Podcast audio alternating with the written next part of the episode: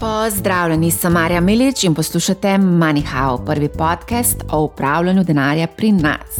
Vzajemni skladi slovenskih družb za upravljanje se prodajajo kot vroče žemlice. Podarili smo rekord vseh časov.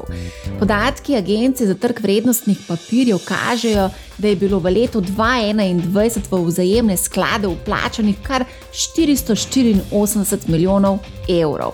To je absolutni rekord v zgodovini slovenske panoge upravljanja premoženja, stari rekord iz leta 2007, torej tik pred gospodarsko-finančno krizo, pa je znašal 469 milijonov evrov, torej 15 milijonov manj kot lani. Spomnimo pa se seveda tudi leta 2008. Takrat so delniški tečaji upadli za 50-60 odstotkov, slovenski vzajemni skladi pa so beležili rekordne odlive. Vlagatelji so si v letu 2008 namreč izplačali kar 300 milijonov evrov. Lansko leto je bilo zelo uspešno tako za vlagatelje kot za upravljalce in marsikdo ne rad obuja spomine na leto 2008. No, vseeno pa smo preverili pri analitikih in upravljalcih premoženja, kaj jih je v letu 2021 najbolj presenetilo in kakšne so njihove napovedi za leto 2022. Preden jim prisluhnemo, pa preverimo še nekaj zanimivih informacij. Pri nas vzajemne sklade ponuja pet družb, leta 2011 je bilo teh ponudnikov kar 15, torej panoga upravljanja se konsolidira. V fazi prodaje je tudi družba NLB Skladi, ki jo prodaja trenutni lastnik, torej banka NLB. NLB skladi pa so tudi lani zabeležili največ 232,8 milijona evrov neto prilivov. To je polovica vseh neto prilivov med družbami za upravljanje. Marsikateri komitent LNLB-ja je verjetno v zadnjem letu prejel klic prijaznega bančnika, eh, in ki ga je spodbudil k investiranju v sklade. Eden od prodajnih argumentov je bil tudi uvedba ležarin. Spomnimo se, da jih je prva v Sloveniji uvedla ravno NLB. Eh, družba, ki je imela druga največje prilive v lanskem letu v krovne sklade, je družba Triglav skladi s 125 milijoni evrov. Sledi Sava Infant z 83,4 milijona evrov neto prilivov, na to Generali Investments, ki je imel neto prilive v višini 21,9 milijona evrov v krovni sklad. Na Generali Investments sicer še izpostavljajo, da so lani zabeležili 336,8 milijona evrov neto prilivov, večino torej na račun mandatov in alternativnih skladov, ki jih ponujajo.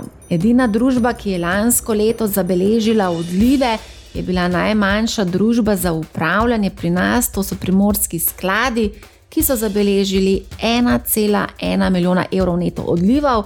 Zakaj so imeli neto odlive v rekordno donosnem letu na borzi? V družbi pravijo, da zaradi večjih odlivov institucionalnih vlagateljev. Poglejmo, koliko sredstev v upravljanju so imele družbe za upravljanje. Podatke Agencije za trg vrednostnih papirjev kažejo, da je bilo teh 4,3 milijarde evrov, kar je 48 odstotkov več kot leta 2007. Torej, v samo enem letu dni so se sredstva v upravljanju povečala za kar 1,1 milijarde evrov. In kaj pravijo na družbah? Največ sredstev v upravljanju ima družba NLB skladi, skupaj 2,1 milijarde evrov, v krovnem skladu imajo 1,6 milijarde evrov.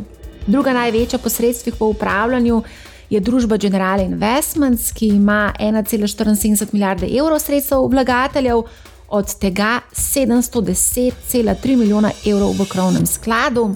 Triglav skladi so konec leta upravljali skupaj 1,5 milijarde evrov sredstev, v krovnem skladu pa so imeli 1,37 milijarde evrov.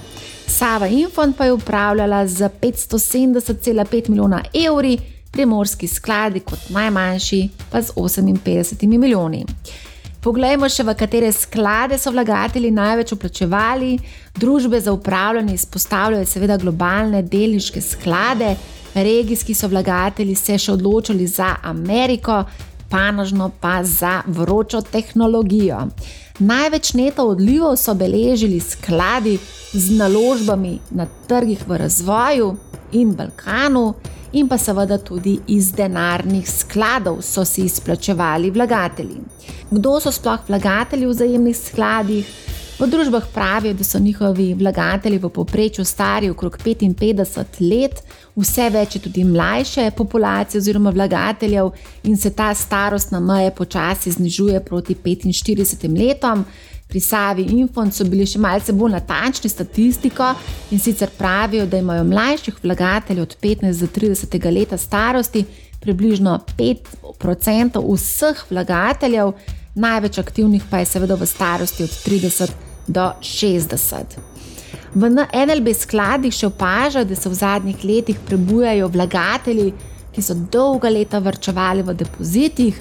K temu jih je spodbudilo zunanje okolje, torej nizke obrestne mere na depozite, nadomestila za visoka stanja, inflacija in odsotnost naložbenih alternativ. In na podlagi vsega tega so prišli do spoznanja, da bo za doseganje nadpoprečnih donosnosti potrebno poseči po naložbah z kapitalskih trgov. Verjetno pa je kakega od teh vlagateljev motiviral tudi klic bančnika. Zanimivo je tudi to, da družbe za upravljanje rade izpostavljajo, za koga je primerno vlaganje v sklade. Recimo pri General Investments pravijo, da so vzajemni skladi primerni za takšne, ki nimajo časa, nimajo finančnega znanja ali pa ustrezno velikega začetnega vložka in poznavanja vseh transakcijskih in davčnih postopkov, da bi sami neposredno vlagali v kapitalske trge. Vseeno bi tukaj rada povedala, da se mi zdi pomembno, da če se odločamo za vzajemne sklade, moramo tudi poznati osnove investiranja, zato da se v prvi fazi sploh znamo tudi odločiti za pravega ponudnika, kajti razlike v doseganju rezultatov so med peterico precejšnji. Pomembno je, da tudi razumemo stroške, ki nam jih zaračunajo DZUI in kaj to pomeni za naše prihranke na dolgi rok. Stroški, kot smo že večkrat povedali, v Manihau znižujejo donosnosti, zato moramo vedeti, koliko nas kaj stane in kakšni so lahko dolgoročni učinki na naše prihranke. Ne glede na to, ali investiramo v vzajemne sklade ali investiramo v sklade, ki kotirajo na borzi, torej ETF-e, si moramo vzeti čas za investicije. To je, se mi zdi, izrednega pomena, zato, dragi poslušalci, vi ste tisti, ki boste živeli s svojimi prihranki in ne prepuščate odločitev drugim. To vas lahko tudi zelo drago stane. O tem, kako uspešni so bili naši upravljalci pri upravljanju premoženja, izveste v naslednji epizodi.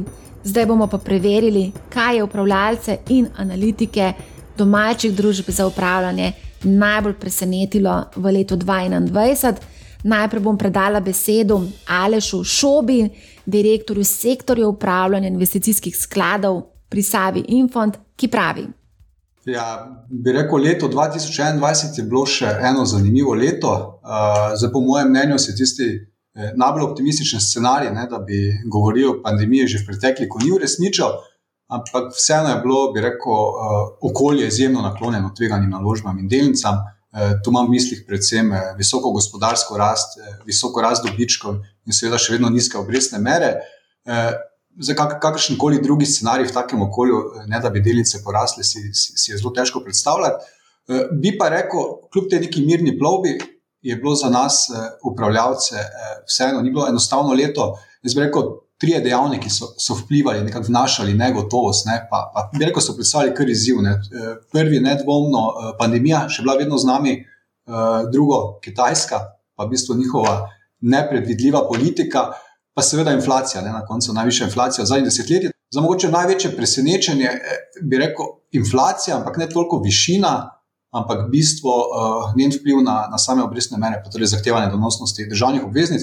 Vseeno bi pričakoval, ko vidimo takšne stopnje inflacije, da se bo to tudi odrazilo na, na, na obvezniških trgih, na obrestnih merah. In, ampak očitno so vlagatelji finančni trgi kupili zgodbo, da gre samo za prehoden fenomen. Tako da to me je mogoče presenetilo. Ka, o kar nekaj scenarijih smo govorili tudi v Manihau, inflacija, Kitajska in tako dalje, in seveda monetarna politika. Preverimo, kaj je presenetilo Saša Ivanoviča, direktorja področja upravljanja investicijskih skladov v družbi Triglav skladi.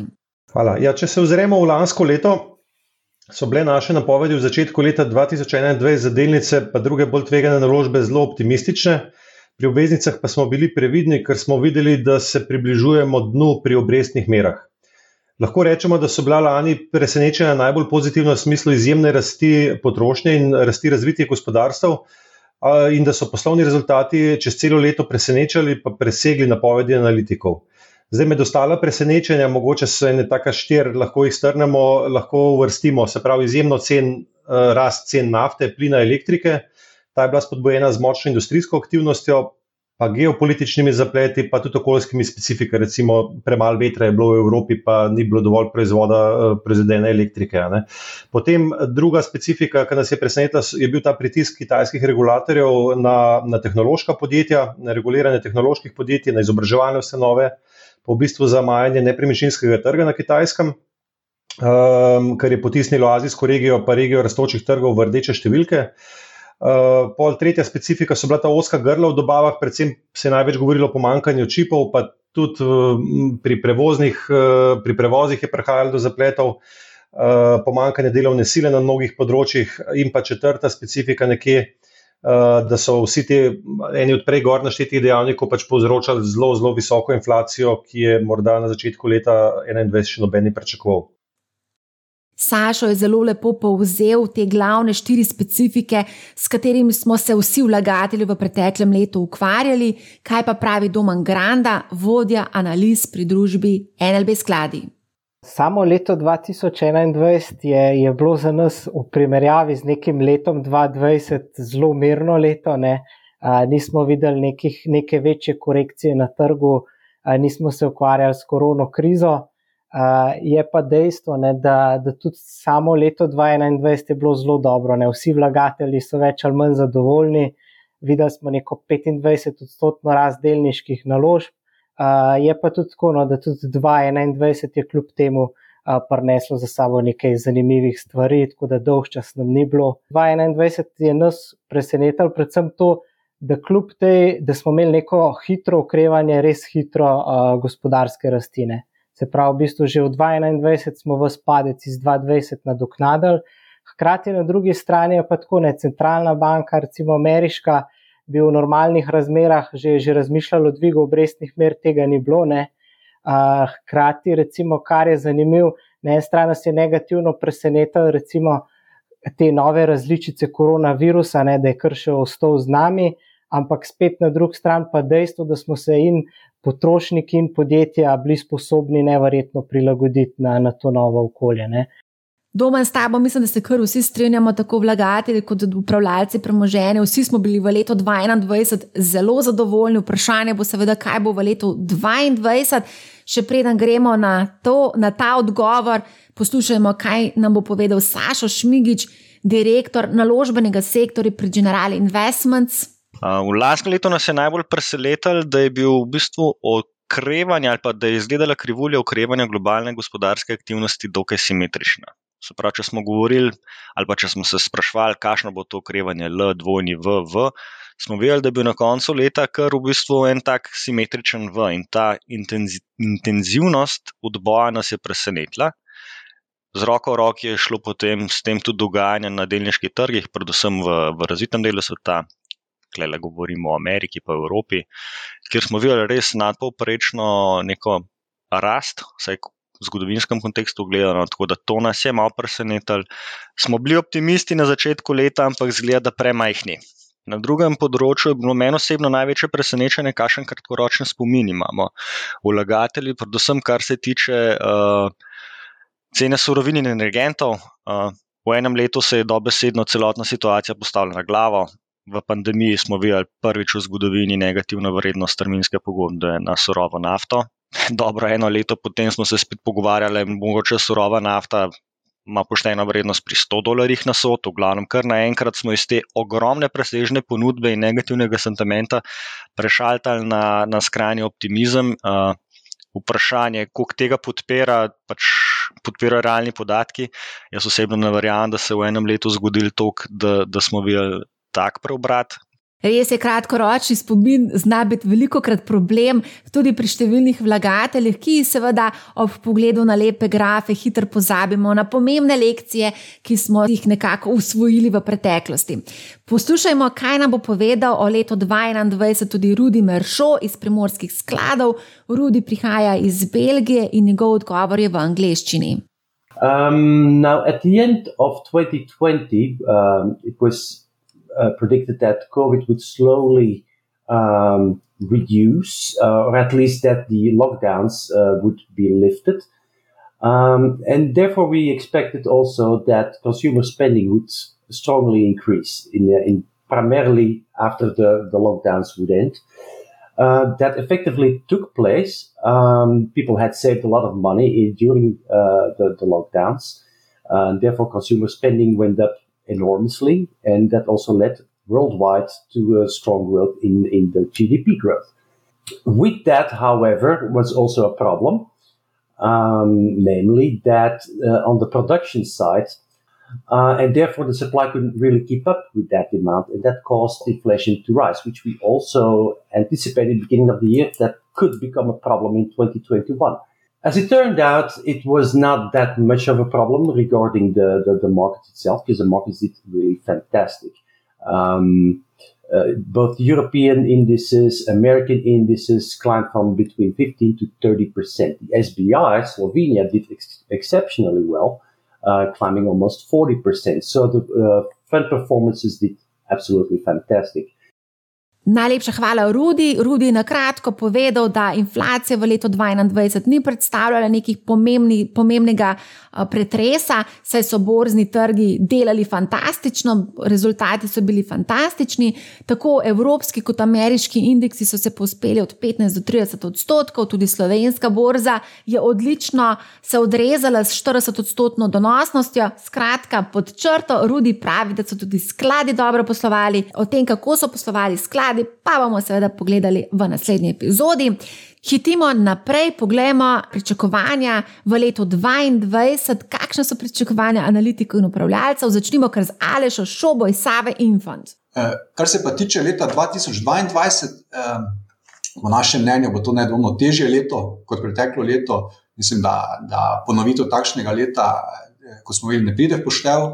Mislim, kar je pa čisto normalno. Ne. Mi smo zdaj kot 20 mesecev imamo za sabo bolj ali manj neprestane rasti na delniških trgih, eh, in normalno je, da bomo imeli več ovir na poti naprej.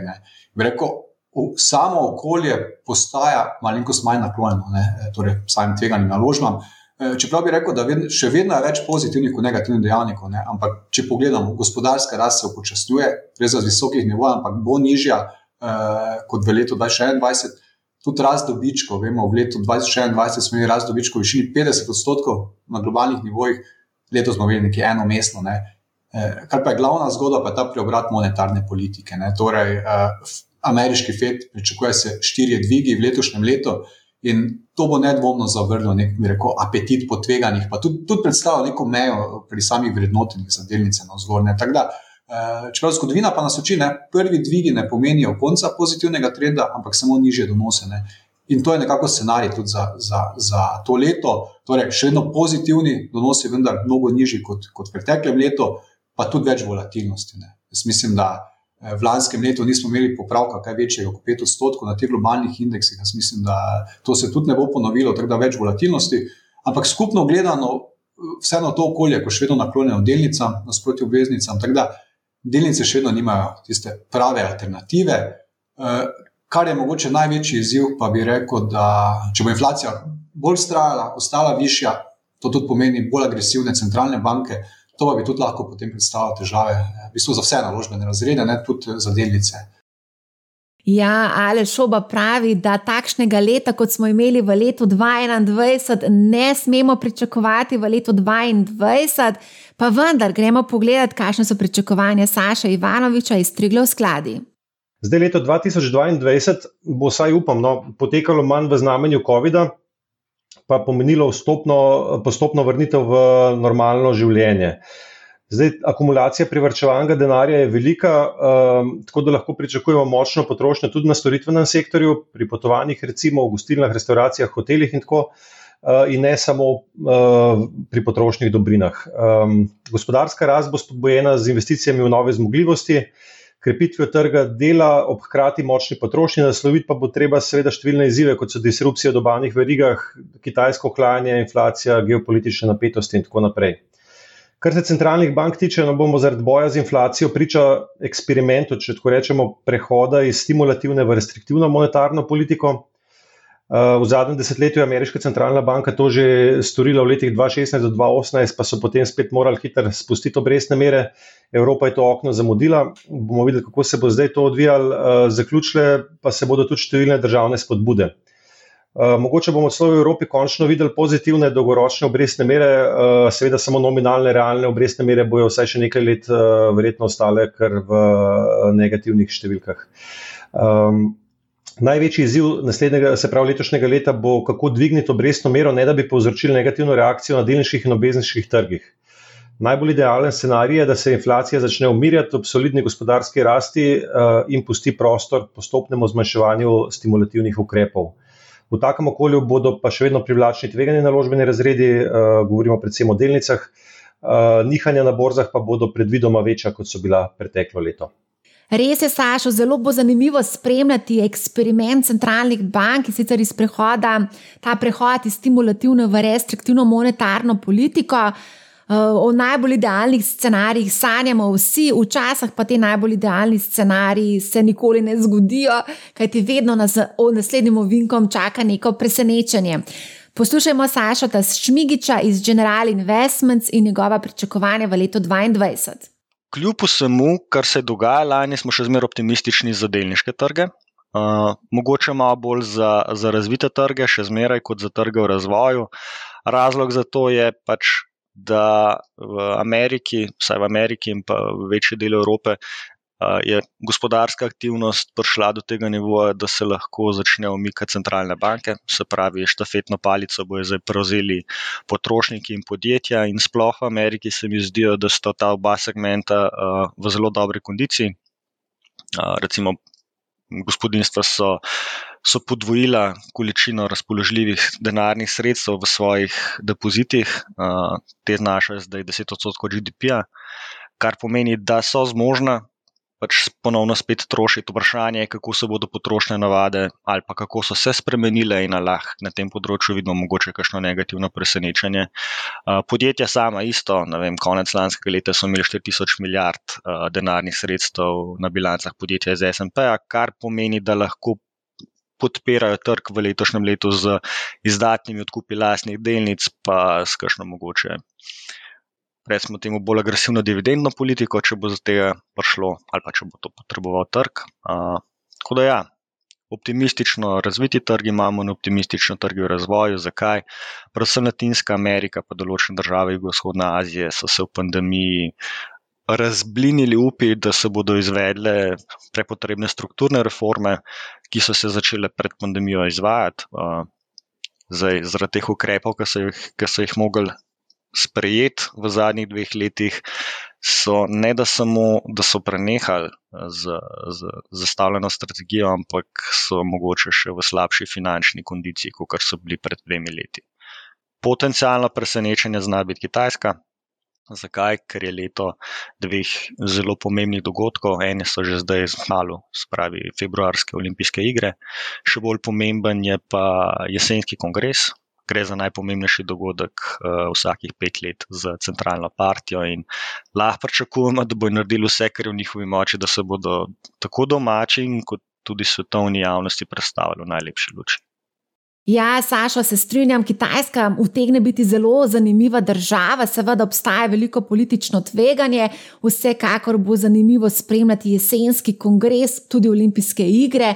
Tako da, ja, definitivno bo Kitajska zanimiva za opazovati za prihodnje desetletje. Tako da, ja, se strinjam. Poslušajmo Domna Granda iz NLB skladi. Zdaj, če pogledamo pa v leto 2022, je, je pa tako, da ga vidimo, da bo kar, kar polno izzivov. Tle, sigurno, glavni izziv in o čemer je največ govora, je inflacija. Zakaj, zakaj je to problem?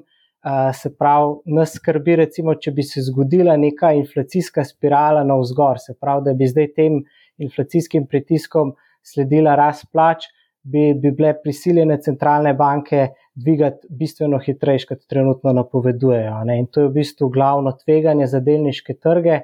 Mi sicer, ko gledamo situacijo, pričakujemo se prav, da neka inflacija je v pomembni meri tudi prehodne narave ne?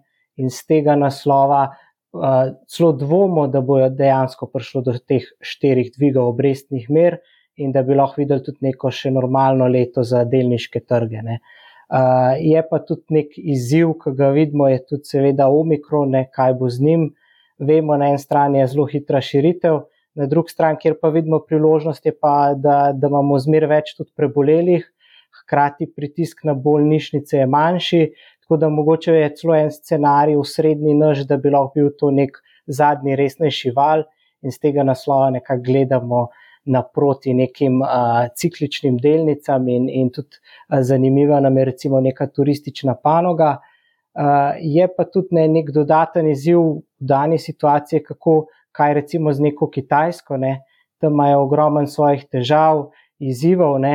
Uh, naša ocena je, da na samem kitajskem trgu je že tak, taka količina in tak obseg slabih novic, da, da bi lahko videli v letu 2022 celo neka pozitivna a, presenečenja, glede na trenutni pesimizem na trgu. Kaj pa Evropa? Ja, Evropa je pa tako, ne lahko rečemo, da neko negativno presenečenje je bilo. Da, da, da recimo tudi v letu 2021 je, so ameriške delnice še naprej delale bolj, se pravi, ta premija napram Evropi se je še povečala. Je pa dejstvo, če računamo mi, da bi se znal v letu 2022 nekako zgoditi neka pospešitev gospodarske rasti na kitajskem z trenutnih nivojev, bi bilo to bolj za neke evropske delnice. Ja, doma, zanimiv vaš pogled, da dvomite, da bi dejansko lahko prišlo do štirih dvigov obrestnih mer. Seveda, na mnenja analitikov so lahko zelo različna. Danes zjutraj sem prebrala, recimo, da nekateri celo napoveduje, da bo prišlo do šestih dvigov obrestnih mer. Tako da to bomo seveda videli. Tudi doma izpostavlja Kitajsko, da bi lahko bilo pozitivno presenečenje na tem trgu. Tako da bomo videli, vsekakor eh, bi znalo biti zanimivo tudi za evropske delnice, eh, če bi seveda se zgodba s Kitajsko izšla pravi Doman. Rudi Mršo iz primorskih skladov pričakuje, da bomo imeli povišeno inflacijo prvi dve četrtletji, potem se bo ta umirila. Eh, navaja več razlogov za to. Prvi, seveda, ta, da se bodo težave v dobavnih verigah začele reševati, popraševanje, ki je bilo izredno močno v letu 2021, se bo nekako umirilo oziroma bo izgubljalo eh, ta zagon, bolj se bo uravnotežilo, bolj ko se bo uravnotežilo popraševanje, bo pa seveda tudi bolj se umirila ta inflacija, ki smo ji priča sedaj. Zanimivo, uh, Rudi za korona krizo napoveduje, da, v, da bo leto 2022 pojenjala, uh, vidi pa seveda izzive druge. Poslušajmo. So instead of inflation, uh, as inflation was our main concern in 2021, our main concern in 2022 is a monetary policy. What will the central banks do? Uh, there's already uh, anticipation that the Federal Reserve will lift the interest rate several times to combat that inflation. Uh, also, the, uh, the Bank of England has already raised it last month. European Central Bank, I don't expect rate increases yet, even though inflation will remain elevated. Uh, as for the uh, indices themselves, I don't think we're going to have such a successful year as last year. I'm hoping to achieve somewhere between 5 and 10% uh, this year, uh, in part because also there's uh, less liquidity flowing into the markets. Um, also, the interest rates will go up, which will make, uh, in our view, uh, fixed income products uh, finally a little bit more attractive. But that will also put pressure on the equity markets. Um, overall, I would expect the beginning of the year to be fairly flat, the, the stock indices. Uh, and towards the end of the year, I expect decline, but, uh, because I believe that analysts expect the um, interest rate increases to be a little bit too aggressive as the inflation uh, begins to settle down around halfway the year, uh, central banks will be less inclined uh, to further raise those interest rates, and that will give a more positive boost to the market. So the market climb I expect more in the second half of this year. What are the, the, the, the main areas I would invest in? I would give an underweight to the United States it's really overvalued. Looking at the forward price earnings, which are currently at the highest since in three decades. Uh, Europe, I would give a slight overweight also because the labor market is more solid and the inflation problems are not as severe as they are in the United States or in the United Kingdom. Um, and for a little bit more speculation, I would put a little bit more weight also into China. China was the only index last year, well, not the, of the major indices, that actually fell last year because of the restrictions by the Chinese Communist Party on the technology companies and so forth. At this point, these companies are so uh, valued so cheap based on price to book, price earnings, and so forth um, that they are bargains. So um, I'm going to put a little bit more in that also, despite the uh, political risk still remaining quite elevated. Ja, najlepša hvala, Rudi. Tvoje mnenje je seveda zanimivo. Pričakuješ, da bo leto, oziroma da ne bomo tako uspešni v tem letu, kot smo bili v lanskem letu. Vseeno napoveduješ kar lepe donosnosti, od 5 do 7 odstotne donosnosti. Tudi vidiš neke zanimive priložnosti v naložbah s fiksnim donosom, predvsem zaradi dviga obrestnih mer. Hkrati si izpostavil, da nekako bi zmanjšal izpostavljenost do ameriškega trga, po drugi strani bi malenkost povečal utež na evropske delnice. Praviš, da trg dela deluje, da je bolj soliden in inflacija ne predstavlja tako resne grožnje kot v ZDA in v Angliji. Za malce špekulacije, oziroma ta ščepec, ščepec za čim bi pa dodal Kitajsko, povečal malce dvignil tež do Kitajske, na vkljub političnim tveganjem. Kitajski indeks je bil tudi eden od večjih, je bil tudi eden, ki je lansko leto upadal, predvsem zaradi ukrepov kitajske partije in tehnološke delnice Kitajske so trenutno ugodno vrednotene in se ti zdi to odlična kupčija. Skratka, hvala, Rudi.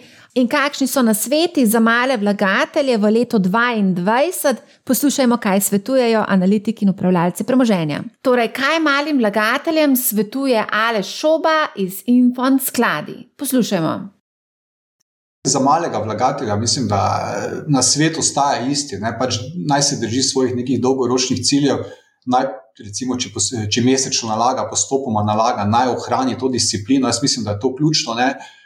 Se pravi, trgi so nepredvidljivi. Ne? Zdaj, mogoče res okolje zgleda manj naklonjeno delnicam, ampak to ne pomeni, da bomo zdaj doživeli neke večje pace. Tako da jaz mislim, da naj ohrani to svojo disciplino, vlaga mesečno, delnice še vedno ponujajo, bi rekel, kar soliden donos, glede na to, kaj ponuja alternative.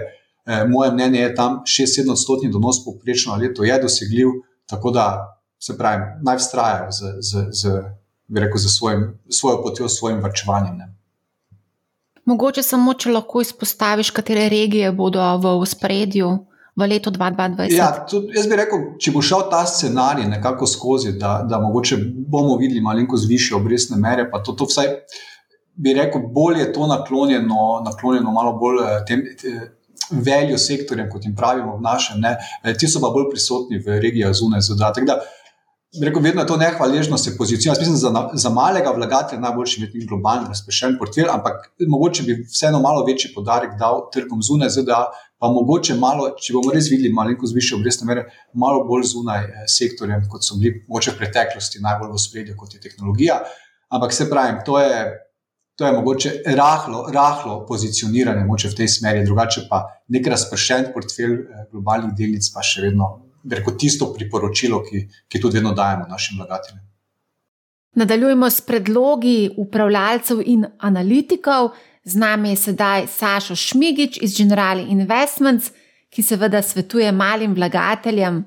Isto, kot jim svetujemo vsako leto. Pač pripraviti je treba portfelj ne na, na mogoče kratkoročna pričakovanja, pa na, na to, kaj je najbolj vroča zgodba na trgu, ampak se držati neke, neke srednje ali pa dolgoročne strategije, ki je pač prilagojena vsem tvojim potrebam ali pa njihovim potrebam. Se pravi, treba je poštevati zmožnost vrčevanja, profil tveganja, dobno vrčevanje in tako naprej. Kaj pa povišana inflacija, ki nam zdaj grozi, kako pa kakšen je pogled na to tematiko? Ja, klej je mogoče še bolj pomemben izbor samih naložbenih razredov. Treba se je zavedati, da inflacija kot taka nam najeda primarno relativne stopne donosnosti, sprav dejansko to, kar s tem denarjem, ki smo ga ustvarili, lahko kupimo. In klej je treba se zavedati, da je nabor naložbenih razredov, ki omogoča nek pozitiven realen donos, se z višanjem inflacije zmanjšal. Ne. Obvezniške, oziroma vse naložbe z neko fiksno donosnostjo, sploh v okolju, kjer pričakujemo obrat obnašanju ali pa v denarni politiki centralnih bank, bo zelo težko pozitiven, že nominalno, kaj šele realno. Vidimo tudi, kaj se dogaja recimo z depoziti. Ne. Tudi tle bo še mogoče ta realni, realni donos še bolj tako boleč za vlagatelje, tako da mi izmed teh, recimo, temu klasičnih naložbenih razredov ne ostanejo samo še delniški trgi in pa nepremičnine, seveda, kjer smo tudi videli, da se stvari razpletajo z neko zelo burno in divjo dinamiko.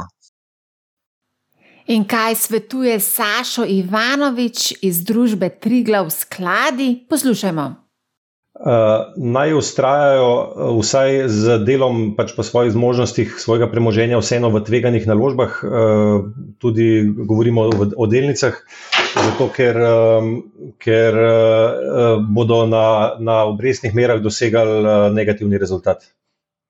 Zaenkrat upravljalci premoženja še kar svetujejo, da ustrajamo v najbolj tveganem naložbenem razredu, torej delnicah, na vkljub povišenem tveganju, na vkljub večjim nihajnostim. Poslušamo še Rudija Meršoja iz primorskih skladov. Well, as I mentioned, uh, in the United States, currently the valuations are very high. Normally, the United States outperforms, especially the technology sector. But I would more aim for those companies that are really growth growth companies. So, um, well, technology companies are growth companies, uh, but I'm more aim for the for the cyclical sectors. Uh, also, the financial sector should benefit uh, on the rising interest rates. Um, uh, also, for the more conservative investors, uh, fixed income should get, as I mentioned, more attractive again. Right now, it's very hard to find fixed income securities that give a proper yield. But as uh, currently the 10 year treasury bonds are already gaining. They're currently at 1.8%, which also puts some pressure on the equities. Um, but those those bond yields should uh, improve uh, as the central banks start lifting their interest rates. Uh, so that's that's really interesting for the more conservative investors. For the equity investors, I would more focus this year on the European and also the Asian markets, and United States to a lesser degree. Slišali smo Rudija, ki pravi, da bi vseeno malce zmanjšal izpostavljenost do Amerike, povečal izpostavljenost do Evrope in Azije, za bolj konzervativne vlagatelje pa celo vidi luč na koncu tunela, kaj ti pričakuje, da bo zaradi monetarne politike centralnih bank postal naložbeni razred s fiksnim donosom ponovno zanimiv. Bomo videli. Poslušajmo za konec še Domna Grando iz NLB skladi. Ja, mislim, da tisti ključ, kot vedno, je neka globalna razpršitev uh, premoženja. No. Kot pravim, uh, nam je všeč Kitajska, tako da se nam zdi, kle, da se sploh ne, če ne gledamo samo na enoletni ravni, se mi zdi, da za naslednjih pet let se je pojavila neka dobra priložnost za vstopne. Se treba zavedati, to je drugo največje svetovno gospodarstvo, imajo res močna, velika podjetja. Ne. Uh, tako da je za tiste, ki so v preteklosti zamudili ta podjetja, je zdaj priložnost, da nekako vstopijo. Ne.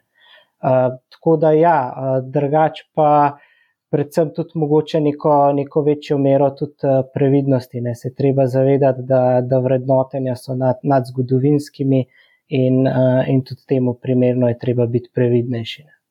Zdaj, veliko krat vlagatelji nas sprašujejo o growth pa value delnicah. Mhm. Imate tudi tukaj kakšno mnenje? Ja, tleh, predvsem, če gledamo neko zgodovinsko premijo, ne, smo prišli tako daleč, da je trenutno so growth delnice napram premijom, je tisti razkorak v vrednotenju res velik. Ne. Hkrati, če gledamo grozinam dvigovanja obrestnih mer, kadar se dvigujejo obrestne mere, to pomeni, da mi vrednotimo neke, neke dobičke v prihodnosti, uh, je nižja vrednost današnja. Ne? In z tega naslova v bistvu smo mi še naprej nekako se nam zdi, da veljo delnice so boljša izbira, tudi kot rečeno, z vidika tveganja. Uh, in, in to je nekako tista naša srednja ocena. No. Hvala vsem upravljalcem in analitikom za vaše mnenje in vaš pogled v leto 2022. Mnenje, kot smo slišali, se malce razlikujejo, kar že nakazuje, da je pred nami predvsej zanimivo leto.